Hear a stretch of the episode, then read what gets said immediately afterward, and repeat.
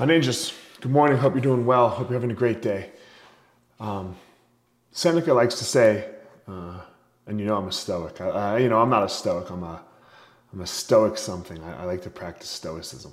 Um, Seneca likes to say to uh, treat the body rigorously so that it will not be disobedient to the mind.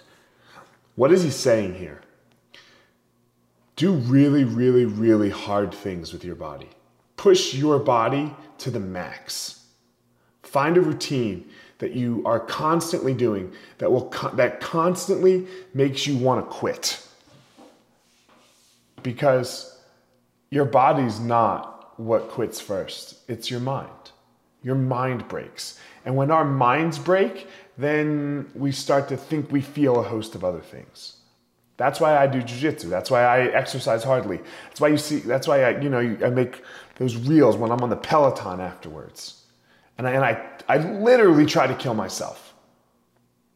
Do hard shit, and do it often, consistently, and in those moments that you think you want to break, where you think you're going to quit, look, you can't ask yourself in those moments to go 40 minutes more, 30 minutes more, even 10 minutes more sometimes. The way I start this, when I know, when I know I'm breaking, when I feel that break, when I feel that little bitch coming inside of me and saying, Elliot, you've had enough, I say no. 20 more seconds. And then the next time it comes, the next time that feeling comes, okay, Elliot, now you got to do 30 more seconds.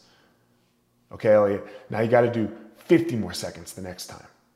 And I just add a little time to the Elliot quit now statement.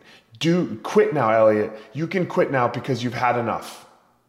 And I'm teaching myself through my body to have a strong mind, to make sure that I'm never disobedient to myself, so that when really hard times come, when, when I do have to dig deep mentally, I have the work in there so that I can actually do it.